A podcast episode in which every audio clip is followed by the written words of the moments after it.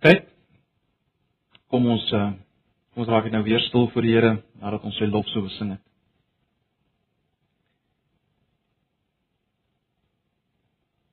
Ag Here Jesus, hoe wonderlik dit is dit om te weet dat U is waarlik Immanuel, God met ons. God met ons. Aan die een kant skrikwekkend en aan die ander kant heerlik en vreugdevol. Ag Here, ek wil net nou vra dat U as Immanuel God met ons ook met ons sal kom praat deur die woord en deur die werking van U Heilige Gees in hierdie oggend. Asseblief. Amen. Broers en susters, kom ons kyk weer na Lukas 2, die gedeelte waarna ons uh, Sondag gekyk het. Toe ons bietjie gekyk het hoe God uh as te ware iemand voorberei om Jesus te ontvang deur 'n begeerte na die persoon te wek.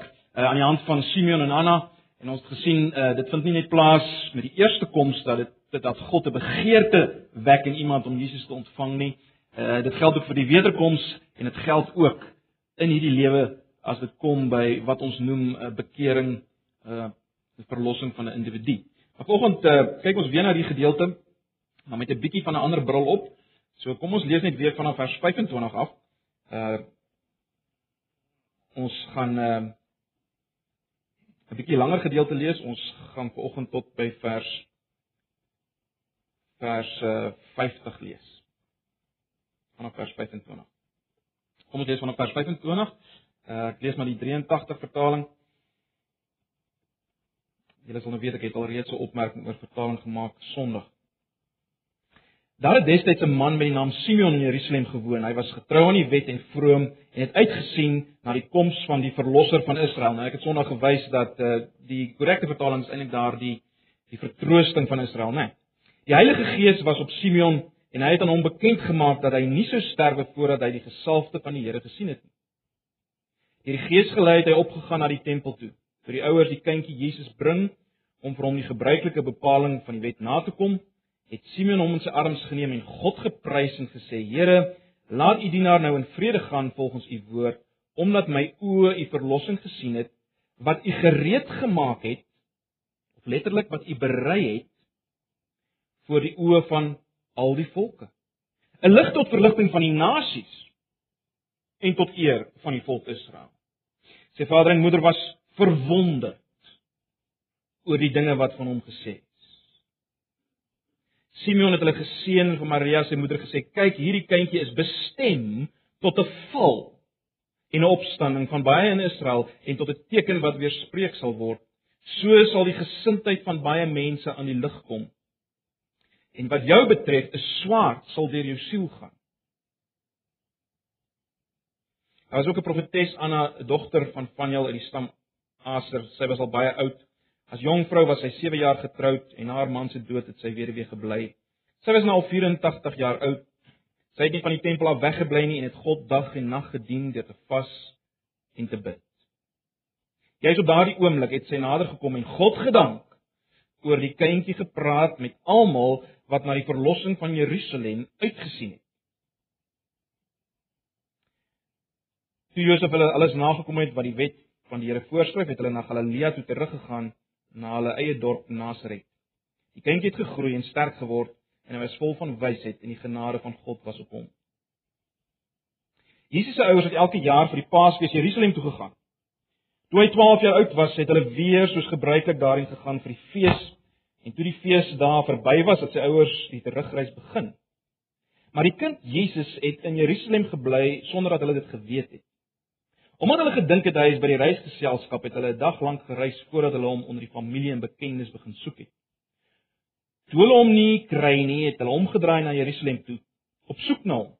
Na 3 dae het hulle hom by die tempel gekry waar hy tussen die geleerdes sit en na hulle luister en hulle uitvra. Almal wat hom gehoor het, was verbaas toe sy insig uh, ekskuus oor sy insig en sy antwoorde. Toe sy ouers hom sien, was hulle verslae En sy moeder sê vir hom: "Kind, waarom het jy so met ons gemaak? Kyk, jou vader en ek het met angs na jou gesoek."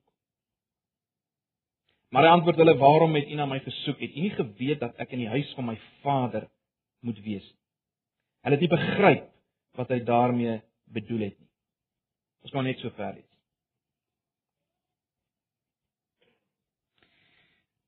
Watter emosie gaan hand aan hand met Kersfees? Wel, broers en susters, ek dink Kerskaartjies blaker dit uit, né? Nee. Happy holidays. Gelukkige Kersfees. En ons sing graag joy to the world in hierdie tyd. En natuurlik is dit 'n tyd van van feesviering. Ek weet die engel Gabriël sê sê aan Sagaria, luister bietjie na Lukas 1 vers 14. Hy sal 'n bron van blydskap en vreugde vir jou wees en baie sal bly wees oor sy geboorte. Maria. Maria sing die volgende. In Lukas 1 vers 46 en 47. Ek besing die grootheid van die Here. Ek juig oor God my verlosser. Dis Maria. En dan natuurlik die engel wat aan die herder sê moenie bang wees nie, want kyk ek bring vir julle 'n goeie tyding van groot blydskap wat vir die hele volk bestem is. Ook in Lukas. Lukas 2 vers 10. Jy sien, die lang verwag is verby, die Messias is hier, die toppunt van God se werk in die geskiedenis het plaasgevind. Die lang wag is verby. Die Messias, die redder, die verlosser is hier. Blydskap, vreugde, verseker. Maar broers en susters, die die boodskap van Kersfees, as ons daarmee bedoel die kom van die seun van God na die wêreld, is nie vrede en blydskap vir almal.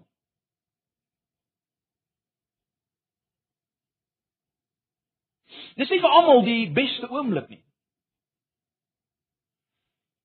Ons weet dit.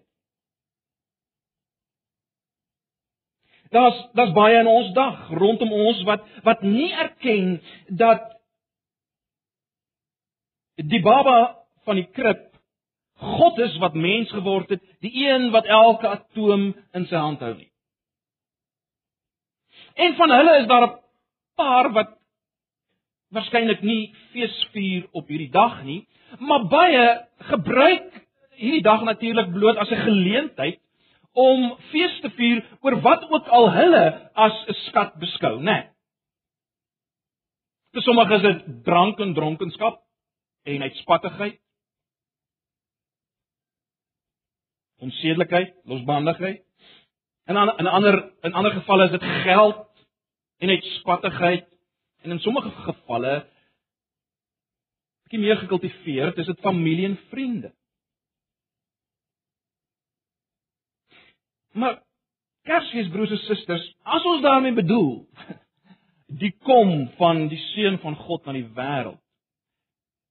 Kersfees en dit wat dit bring, dit wat dit beteken is nie bedoel om net 'n gevoel van feesviering op te wek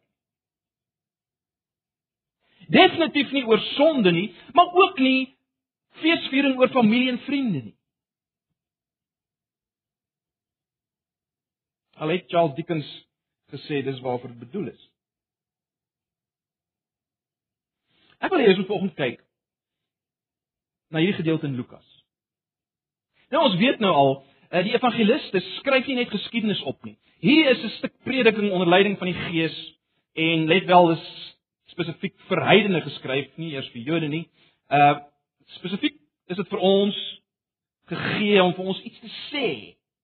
Nie net om vir ons die geskiedenis te gee nie, maar om vir ons deur hierdie geskiedenis 'n boodskap te gee. Dis die ongelooflike ding van die evangelies, né? Nee, 'n baie baie spesifieke uh tipe literatuur wat ons hier het.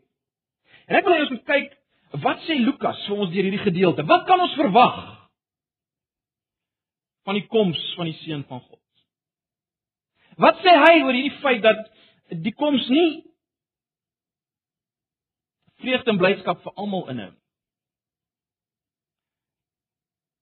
En ek dink ons gaan raak sien dat die blydskap wat dit inhou is is totaal iets anders en meer as wat ons uh, onsself kan indink en en en meer as wat die wêreld uh van weet en beleef. Dit is baie interessant as ons kyk uh na wat Lukas hier doen. Aan die begin van hoofstuk 2 skryf Lukas oor die feesviering net van die engele en van die herders. Maar dan baie interessant, volg hy dit op deur hierdie gedeelte van Maria en Josef en spesifiek wys hy dui hy hulle verslaandheid aan. Die feit dat hulle verstom is, verslae is, nie begryp wat hier aangaan. Spesifiek in vers 33 en vers 48 sien ons uh word die woorde gebruik, né? Nee. Verwonderd vers 33, verslae vers 48. Ek het klem daarop gelê. Hulle is eerstens verward oor oor 'n profesie of profeseë wat Simeon uitspreek. En dan is hulle verward oor sy optrede as 12-jarige. Verbuister. En ek lê ons daarna. Ekskuus, ek weet nie hoe kom hierdie dingetjie nou so. Ons sit hom hier.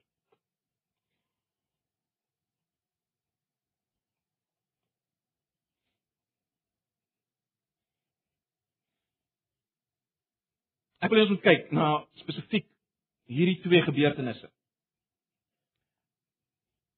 Of laat ek dit so stel, kom ons kyk na Maria en Josef se se verwarring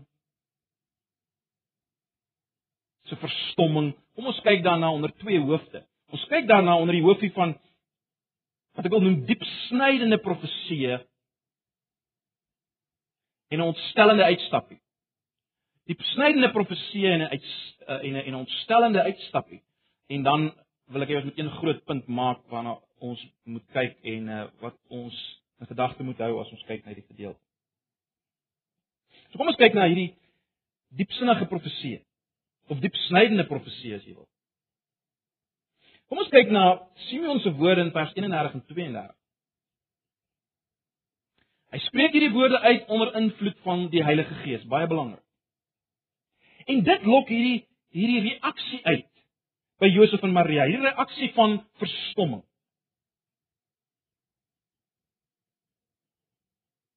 Sien in vers 33 sê vader en moeder was verwonderd oor die dinge wat van hom gesê is.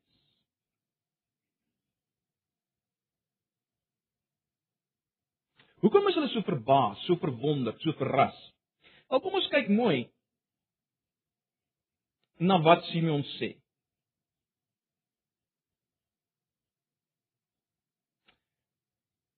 Kom ons kyk na vers 30. Omdat my oë u verlossing gesien het wat u gereed gemaak het voor die oë van al die volke. Die van julle wat die 53 vertaling het, sal sien daar word gepraat van in vers 31 van die verlossing wat U berei het voor die oë van al die volke. Nou, wat sê? Wat sê Simeon hierdeur? Wat sê die Heilige Gees hierdeur? Wel, Simeon sê sy oë het die verlossing gesien wat God gereed gemaak het. Maar wat het Simeon gesien? Wel hy het Jesus gesien, né? Hy het nie iets gesien wat Jesus gedoen het nie. Hy het nie gesien daar bevry Jesus iemand nie. Hy het Jesus gesien. So wat sê die Heilige Gees hierdie? Wat vir Maria en Josef verstom het. Wel, hy sê daardeur Jesus is hierdie verlossing. Met ander woorde, hy hy kom doen nie net klomp dinge nie, hy bring nie net dinge nie, hy is dit. Hy is die verlosser. Maar daar's nog iets. En enige Jood sou dit raak gesien. En hiervoor het mens natuurlik nou ongelukkig die die oorspronklike of die meer letterlike vertaling nodig. Ek het julle gesê, die 53 vertaling vertaal met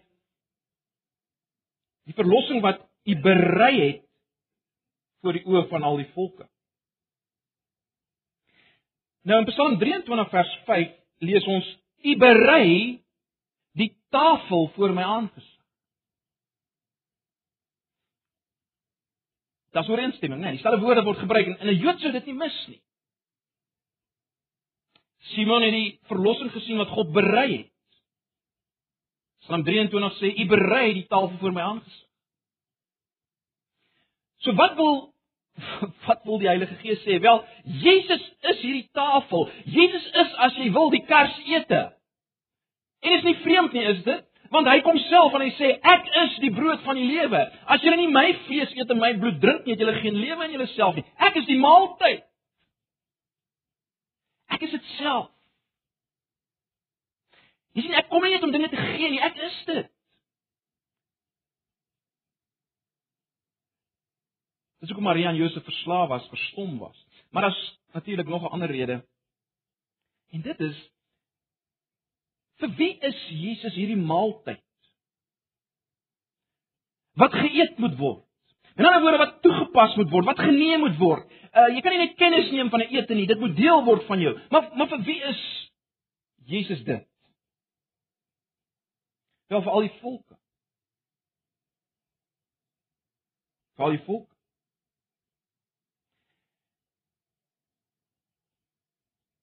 Jesus is as te ware die tafel vir alle mense. God dek as te ware Jesus vir almal. Elke mensegroep is uitgenooi. Elke ras, elke kleur, deur al die eeue. Nou, in die Ou Testament was daar aanduidinge daarvan, Psalm 67 vers 3 byvoorbeeld, ander gedeeltes. Maar tog was dit so dat die meeste Jode teen hierdie tyd na hierdie geweldige lang tydperk tussen die testamente omtrent 400 jaar het Jode al meer uh, ons het dit al mekaar gesê nasionalistiese gevoel begin kry en en 'n verwagting dat God Israel gaan herstel. En ja, as die nasies iewers inkom, is dit is dit bloot sodat dat hulle sal erken dat Israel is God se mense en hulle alleen. En Josef en Maria was geen uitsondering. Hulle was deel hiervan. So dit was 'n skok vir hulle, moenie 'n fout maak nie. Hulle was verstom daaroor. Iets binne in hulle het as te ware gedraai van ontsteltenis. Dat hy die maaltyd is maar vir alle volke. Ook hulle vyande. Ook die Romeine. So hulle is verslae, hulle is verstom. En Simeon stop natuurlik nie hier nie, hy gaan voort. Jy is opgelet het. In vers 32, 'n lig tot verligting van die nasies en tot eer van die volk Israel. Verstommend, nee, hy, hy noem weer eens eerstens die nasies en dan vir Israel. Nou, dat God 'n lig is vir Israel, wel, dit sou vir Marian Josef nie vreemd gewees het nie. Dit sou hulle nie verstom het nie, geen probleem. Maar weer eens dat hy ook 'n lig is vir die onbesnedenes, die heidene. Die vyande van Israel, wel, dit sou die bloed in hulle slaap laat klop het. Dis vreemd. Dis verwarrend. Dis anders as wat hulle geglo het en oortuig van was. Maar dan, broers en susters, terwyl Maria se denke as te ware nog duisel oor oor hierdie ding wat Simeon gesê uh, gesê het, dan dan voeg hy nog by tot haar verstomming in vers 34 en 35. sien julle dit? Simeon het hulle geseën en vir Maria, sy moeder gesê: "Kyk, hierdie kindjie is bestem tot 'n val en opstanding van baie in Israel en tot 'n teken wat weerspreek sal word. So sal die gesindheid van baie mense aan die lig kom. Meer letterlik, so sal die harte geopenbaar word van baie mense. En wat jou betref, is swaar sal deur jou siel gaan. Nou hierdie twee verse vorm natuurlik 'n eenheid. Ehm um, mens kan sê die eerste deel van vers 35 gaan saam met die gedeeltes van vers 34 om dit nou baie eenvoudig te stel. So, wat sê Simeon hier onder leiding van die Gees? Wel, sommige binne Israel sal as te ware opstaan as hulle in kontak kom met hierdie Jesus en hulle gesindheid, letterlik hulle harte sal geopenbaar word en wys dat hulle God liefhet. Met alles in hulle. Dat hulle werklik uitgesien het na die vertroosting en verlossing wat God bring in Jesus. Ja, hulle mag uh, verwar word deur hom, hulle mag nie alles verstaan nie, maar dit sal duidelik word dat hulle Jesus liefhet. Maar nie almal sal opstaan nie, né? Nee. Het hulle dit gesien? Ander sal val oor hom.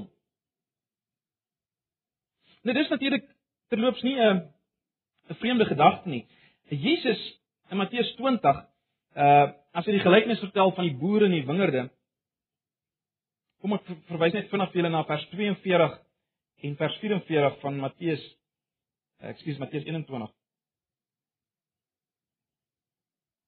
Vers 42 sê Jesus vir hulle: "Julle het tog al die skrif gelees, die klip wat deur die bouers afgekeur is, juis hy het die belangrikste klip in die gebou geword." En dan in vers 44 sê Jesus dit en onthou nou hy praat van homself. Vers 44: "Wie op hierdie klip val, sal verpletter word en die een op wie hy val, sal hy vermorsel." En Petrus haal dit aan. Rots van struikeling sal Jesus wees vir sommige. In ander woorde, daar sal die wees wat oor hom val en struikel en en hulle gesindheid, hulle harte sal ontbloot word en wys dat hulle vir hulle self wil leef, nie werklik uitsien na God se verlossing nie. Maak nie saak hoe hulle bekend staan onder ander uh, of by ander nie. En en broers en susters, natuurlik gebeur dit in Jesus se eie dag, né? Nee, die hoëpriesters en die priesterhoofde en die Sanhedrin uh het hom teengestaan. Hulle het oor hom gestruikel en hulle harte is so ontbloot as nie vir God. En dieselfde gebeur vandag. Maak nie saak uh al dra sommige die titel van Christen en dominee en biskop of wat dit mag wees, uh hulle harte lyk anders. En, en Baba in die krib sê natuurlik by geleentheid self uiteindelik sal hy die bokke van die skape skei En terloops die konteks daar is dat hulle almal sou bekend staan as gelowiges.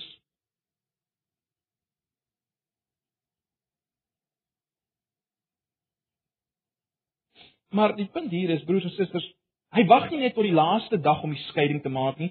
Hy openbaar die harte selfs vanoggend. Hoe jy vanoggend oor Jesus dink, openbaar wat jou gesindheid is. waar ons hier sit. Maar nou, hy wys ons gesindheid van ons harte in ons gesindheid teenoor hom.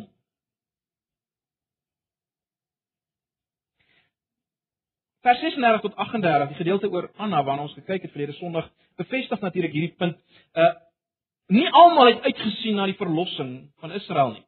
Anna uh het gepraat met die wat uitgesien het na die verlossing van Israel. So daar was baie wat nie uitgesien het dan.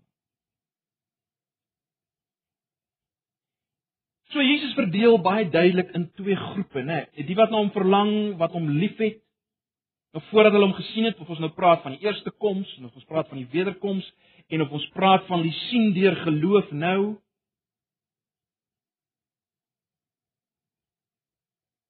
Dis die wat na hom verlang, wat hom liefhet hom erken en as die wat nie na hom uitsien en hom erken. Maar goed. Dit sou Maria nie so verras het nie, né? Want onder leiding van dieselfde Heilige Gees sing Maria byvoorbeeld in Lukas 1 vers 50 die volgende. Lukas 1 vers 50. Hy bewys ontferming van geslag tot geslag aan die wat hom eer. In ander woorde daar's duidelik die wat hom nie eer. Vers 51. Kragtige dade het hy met sy arm verrig, hoogmoediges in hulle eie baan het hy uitmekaar gejaag. En dan vers 52 van Lukas 1. Maghebbers het hy van trone afgeruk en geringes verhoog. So Maria het in dieselfde lyn geprofeteer onder leiding van die Gees. Maar wat Maria in haar spore gestuit het, is dit. En wat jou betref, is swaar sal deur jou siel gaan. Want hier kry sy vir die eerste keer 'n aanduiding dat om die moeder van die Messias te wees, om die moeder van die Messias te wees, sou pyn bring vir haar. Nou, natuurlik het sy alreeds in 'n mate uh pyn en ongemak verduur Sy was swanger voor sy getroud is. Haar planne vir haar lewe is omver gegooi. Ehm uh, sy moet 'n lang tog aanpak terwyl sy swanger is. Sy gee geboorte in haglike omstandighede waaroor ons al baie gepraat het. Maar Simeon se gereer onder leiding van die Gees 'n dieper pyn, né? Nog meer smart. Hoekom? Sy ek meen sy is dan die moeder van die Messias. Sy koninkryk sal vir altyd wees. Alle geslagte sal deur hom geseën word. Is daar nog 'n prys wat sy moet betaal? Wel, die Heilige Gees laat Simon natuurlik iets sien van die lyding wat Maria sal deurgaan as hierdie seun van haar verraai word, tereggestel word, sterf op die wreedaardigste manier moontlik in daai tyd. En ons weet dit was in die plek van goddeloses. Ook in ons plek. Ek wil nie nou daarop uitbrei nie. Die punt is dis wat sou wag vir Maria. So broers en susters, as ons as ons terug staan en kyk na hierdie gedeelte dan sien ons 'n paar dinge, né? Nee, ons het al gesien Jesus bring nie net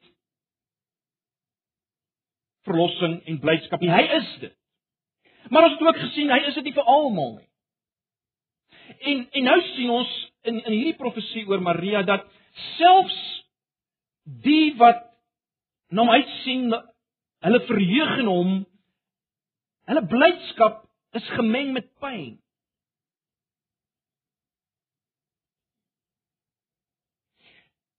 Kom ek stel dit so, dit lyk vir my wat Lukas wil hê ons moet sien onder leiding van die Gees is dat as Jesus jou lewe binnetree, dan dan kom daar ook lyding. En dit word natuurlik bevestig, nê, nee, as Jesus uh, later sou sê wie my wil volg, moet homself verloën, sy kruis opneem en my volg. Die vir wie hy die prys betaal het aan die kruis, sal self hom volg met 'n kruis. Dit impliseer lyding.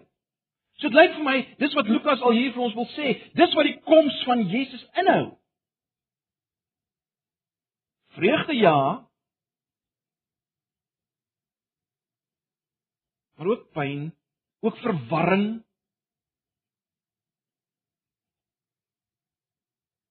Ontsteltenis. Verstomming. So dit vir Maria ingehou het. En dit bring ons by die ontstellende uitstap. Wat beskryf word in vers 41 tot 52. Nou, broers en susters, ons ons ken hierdie gedeelte, né? Uh Josef en Maria wat ewe skielik agterkom hulle 12 jarige seun is nie by hulle. En uiteindelik vind hulle hom in die tempel. Wat moet ons raaks? Wat wil die Heilige Gees hê ons moet raaks nie? Wel, in die eerste plek vers 48 waarna ek al verwys het, hulle was verslae. Dis hulle uitgebou. Dit wat hulle daar sien. En dan gee Jesus in vers 49 die verduideliking. Hy antwoord hulle: "Waarom het u na my gesoek? Het u nie geweet dat ek in die huis van my Vader moet wees?" En broers en susters, hierdie is 'n revolusionêre stelling, is dit nie? Want hier word hier word 'n geweldige klomp goed gesê in 'n baie kort sin, né? Want hierdeur laat Jesus vir Maria verstaan, kyk. Die pap babatjie wat jy versorg het in die krib, het nie daar begin nie. Hy's van ewigheid af. Sy vader is nie Josef nie. Sy vader is God. En daarom is hy van ewigheid af. En hy is nie seun van sy vader soos 'n menslike seun seun van sy vader is nie. Dit beteken hy's een van wese met die Vader. En dit word bevestig deur die res van die Nuwe Testament. Hy self is God en ons het al so baie daaroor gepraat. Hy is God. En daarom en ons het dit ook al baie vir mekaar gesê. Daarom as ons na Jesus kyk, kan ons weet God is so en hy's nie anders nie. Maar die ander kant is natuurlik ook waar. Jesus is God. En daarom is hy verrassend anders as wat ons sou verwag. Hy's God. En en, en dis nie die eerste keer wat hy mense sou verstom nie. Ek gaan lees die Markus Evangelie en oor en oor is daar die uitroep: Wie is hy tog?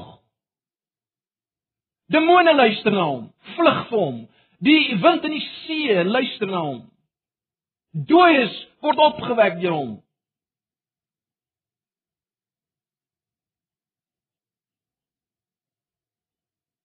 Na al die gebeure aan die kruis word hy uitgeroep waarlik, hy is die seun van God. Hy's gans anders. Jy sien hy is 'n vreemde koning. Die begin van Lukas uh in Lukas 1 kry ons baie baie hierdie profeseë dat hy hy's die uiteindelike koning. Hy is die leeu uit die stam van Juda. Daarom is hy anders en werk hy anders.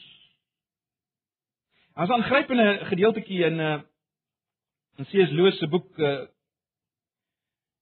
Die Leeu die Heks en die Ankas of the Lion the Witch and the Wardrobe, uh baie van julle het ook die film gesien. Julle weet dat daar is hierdie hierdie Christusfiguur Aslan wat 'n leeu is wat regeer in hierdie magiese land. Maar op 'n stadium in hierdie boek dan dan gesels 'n sekere meneer en mevrou Bewer, dis Bewers wat kan praat. Uh hulle vertel bietjie vir hierdie kinders wat nou uit die gewone wêreld ingekom het in hierdie magiese wêreld. Hulle vertel vir hulle bietjie van van Aslan. En luister hierna want dit is dis belangrik vir hierdie gedeelte want dit herinner my aan hierdie gedeelte. Aslan is a lion. The lion, the great lion. Ooh, said Susan, dis my vir kinders. I thought he was a man. Is he quite safe? I shall feel rather nervous about meeting a lion. That you will, dearie, and no mistake, said Mrs. Beaver. If there's anyone who can appear before Aslan without their knees knocking, they're either braver than most or else just silly. Then he isn't safe, said Lucy. Safe? said Mr. Beaver. Don't you hear what Mrs. Beaver tells you? Who said anything about safe? Course he isn't safe. But he's good. He's the king, I tell you. En naby aan die einde van die boek dan sê een van die karakters ook vir die kinders He's not a tame lion. Hy's nie 'n makleeu nie. Jy sien, dis die punt. Jesus is nie syf nie. Hy's God. Hy's die leeu. Hy's nie 'n makleeu nie. Hy doen dinge wat ons nie begryp nie. Hy's kragtig. Hy kan verpletter. Maar hy's goed. Hy's die koning.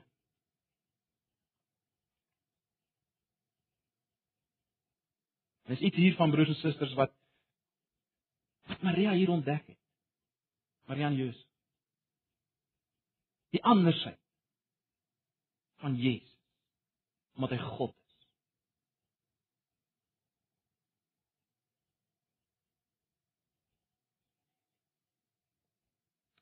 Kom ons sluit af. Kom ons vra die vra die vraag, wat is die groot punt nou? Na, na alles wat ons vanoggend gesê het, wat is die groot punt wat ek en jy moet hoor? Wel, ek glo dis dit. Wat was Maria se probleem? Waarom was sy verslaan verstom? Wel, broers en susters, sy het 'n verwagting gehad, né? Nee, sy het 'n verwagting gehad van die Messias. Sy het 'n verwagting gehad van haar seun en en en Jesus het net eenvoudig nie ingepas by haar gedagtes. Haar verwagtinge nie. Net eenvoudig nie. Hy het sy eie hy het sy eie agenda gehad sy eie plan.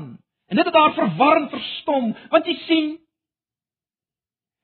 die babatjie in die krib en die 12-jarige seentjie was dieselfde een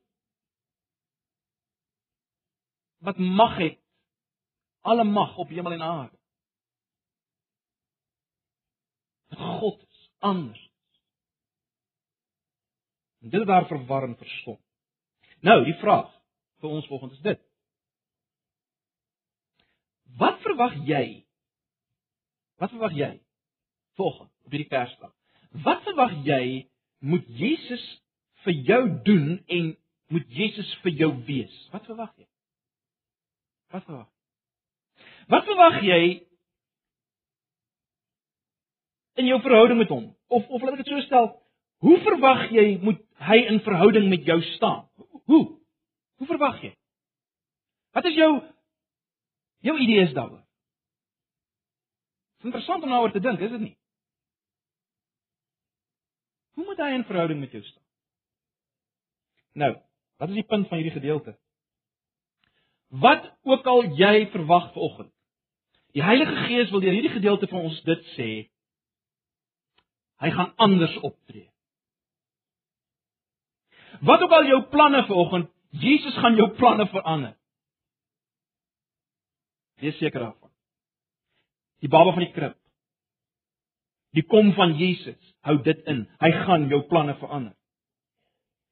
Kom ek gee vir julle een voorbeeld wat almal van ons waarskynlik ken. Uh Johnny Erickson, die parapleeg.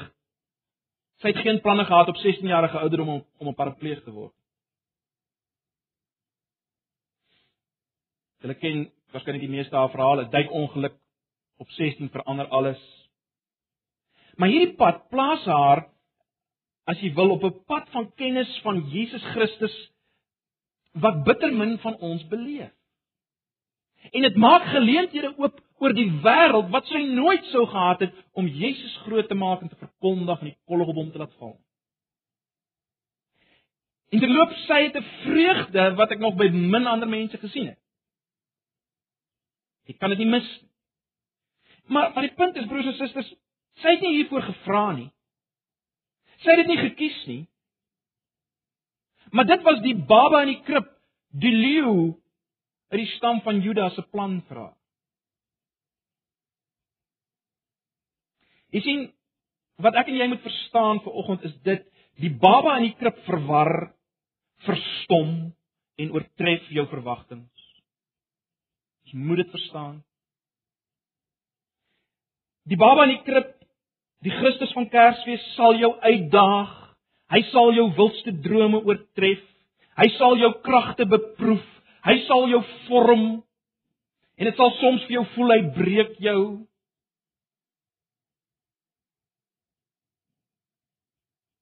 Dit reeds gesê jy kan hom nie volg sonder 'n kruis nie. Maar hy is en ons moet dit vat. Hy is die fees wat voor jou gesit word. Hy is dit. Hy is die uiteindelike toppunt van vreugde. Sy menswording moet lei tot vreugdevolle feesviering onder sy mense. Maar dit is totaal iets anders en is absoluut meer as dit wat ons rondom ons sien. Kom probeer dit verduidelik. Gaan net poog om dit te verduidelik. Veronderstel. Probeer jou indink. Jy gaan saam met vriende na 'n onbekende deel uh in die Drakensberge gaan stap. En dan kom daar 'n storm op. En die wind is sterk en dit blits en die donder slaan. En jy staan op 'n oorhangende rots en jy vrees dat jy hier afgewaai gaan word. Jou naels grou in die rotswande in want jy's bang jy verloor jou jou ewewig. En dan ewe skielik ontdek jy 'n skeur in die rots agter jou waar jy kan skuil. Hier voel jy veilig, né? Nee, jy, jy voel veilig, maar die ontsaglike storm woed nog buite. Die blitse slaan. En jy kyk jy kyk daarna met 'n soort van en luister na my woorde, jy kyk daarna met 'n soort van 'n bewende plesier. Wel die wind so swiep oor die krans. Jy sien, in die eerste plek was daar hierdie vrees by jou. vir wat hierdie storm vir jou kan inhou en die, en die gevaarlike terrein. Uh, dit kan jou lewe kos, né? Nee, dit was jou vrees geweest, maar dan dan vind jy hierdie skuilplek en jy kry die hoop of verkry die hoop dat jy veilig sal wees. Maar nou baie belangrik. Nie alles in die gevoel van vrees en ontzag en bewering het verdwyn nie. Nie alles. Die lewensbedreigende deel het verdwyn, ja. Nee. Die lewensbedreigende deel het verdwyn, maar daar bly nog hierdie ontzag, hierdie bewondering, hierdie gevoel dat jy nooit blootgestel wil wees aan hierdie storm bly nog steeds oor. Wat probeer ek sê, broers en susters?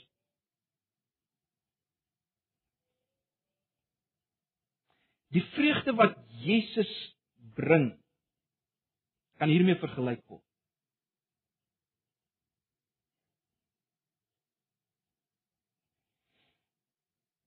Dink daaraan. Die opwinding om in die middel van die geweldige krag van God te wees en tog beskerm te wees deur God self. Vertroos te wees deur hom soos ons verlede Sondag gesien het. Die opwinding in die middel van God se krag. Die leeu en tog beskerm te wees deur hom. Kom ons stel dit so, die vrese van God. daarmee bedoel ons die die ontzag vir God. Maak die vreugdes van God se mense meer intens. Sê dit weer. Die vrese van God Die vrese van God maak die vreugdes van God se mense meer intens. Gemeenskap rondom die vuur terwyl die storm buite woed, maak die gemeenskap iets meer, is dit nie? En dis wat ons beleef, moet beleef as Christen. Jy sien, die vreugde van die koms van Jesus hou dit vir ons in. 'n vreugde saam met hierdie ontsag. Wie is? En daarom, hiermee sluit ek af. Daarom is die boodskap van Kersfees nie net vier fees nie, Die boodskap van Kersfees is ontvang. Die verlossing wat Jesus is. En vier dan fees. Met 'n ander fees, met 'n ander vreugde, 'n dieper, meer intense vreugde. Fees saam met die leeu oor die stam van Juda. Die God van die heelal. Dis die vreugde waarvan ons praat. Ag broers en susters. Ek vertrou elkeen van die van ons wat hier sit sal sal iets daarvan begin beleef in hierdie jaar.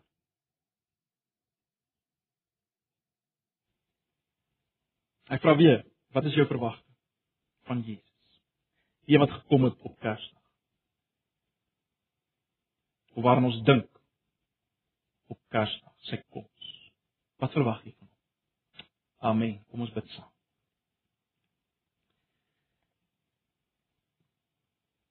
Here baie dankie vir u woord. Dankie dat ons hieroor kon nadink. Ek vra dat u deur u Gees self om meer vir ons sal dit verstaan met wie ons te doen het.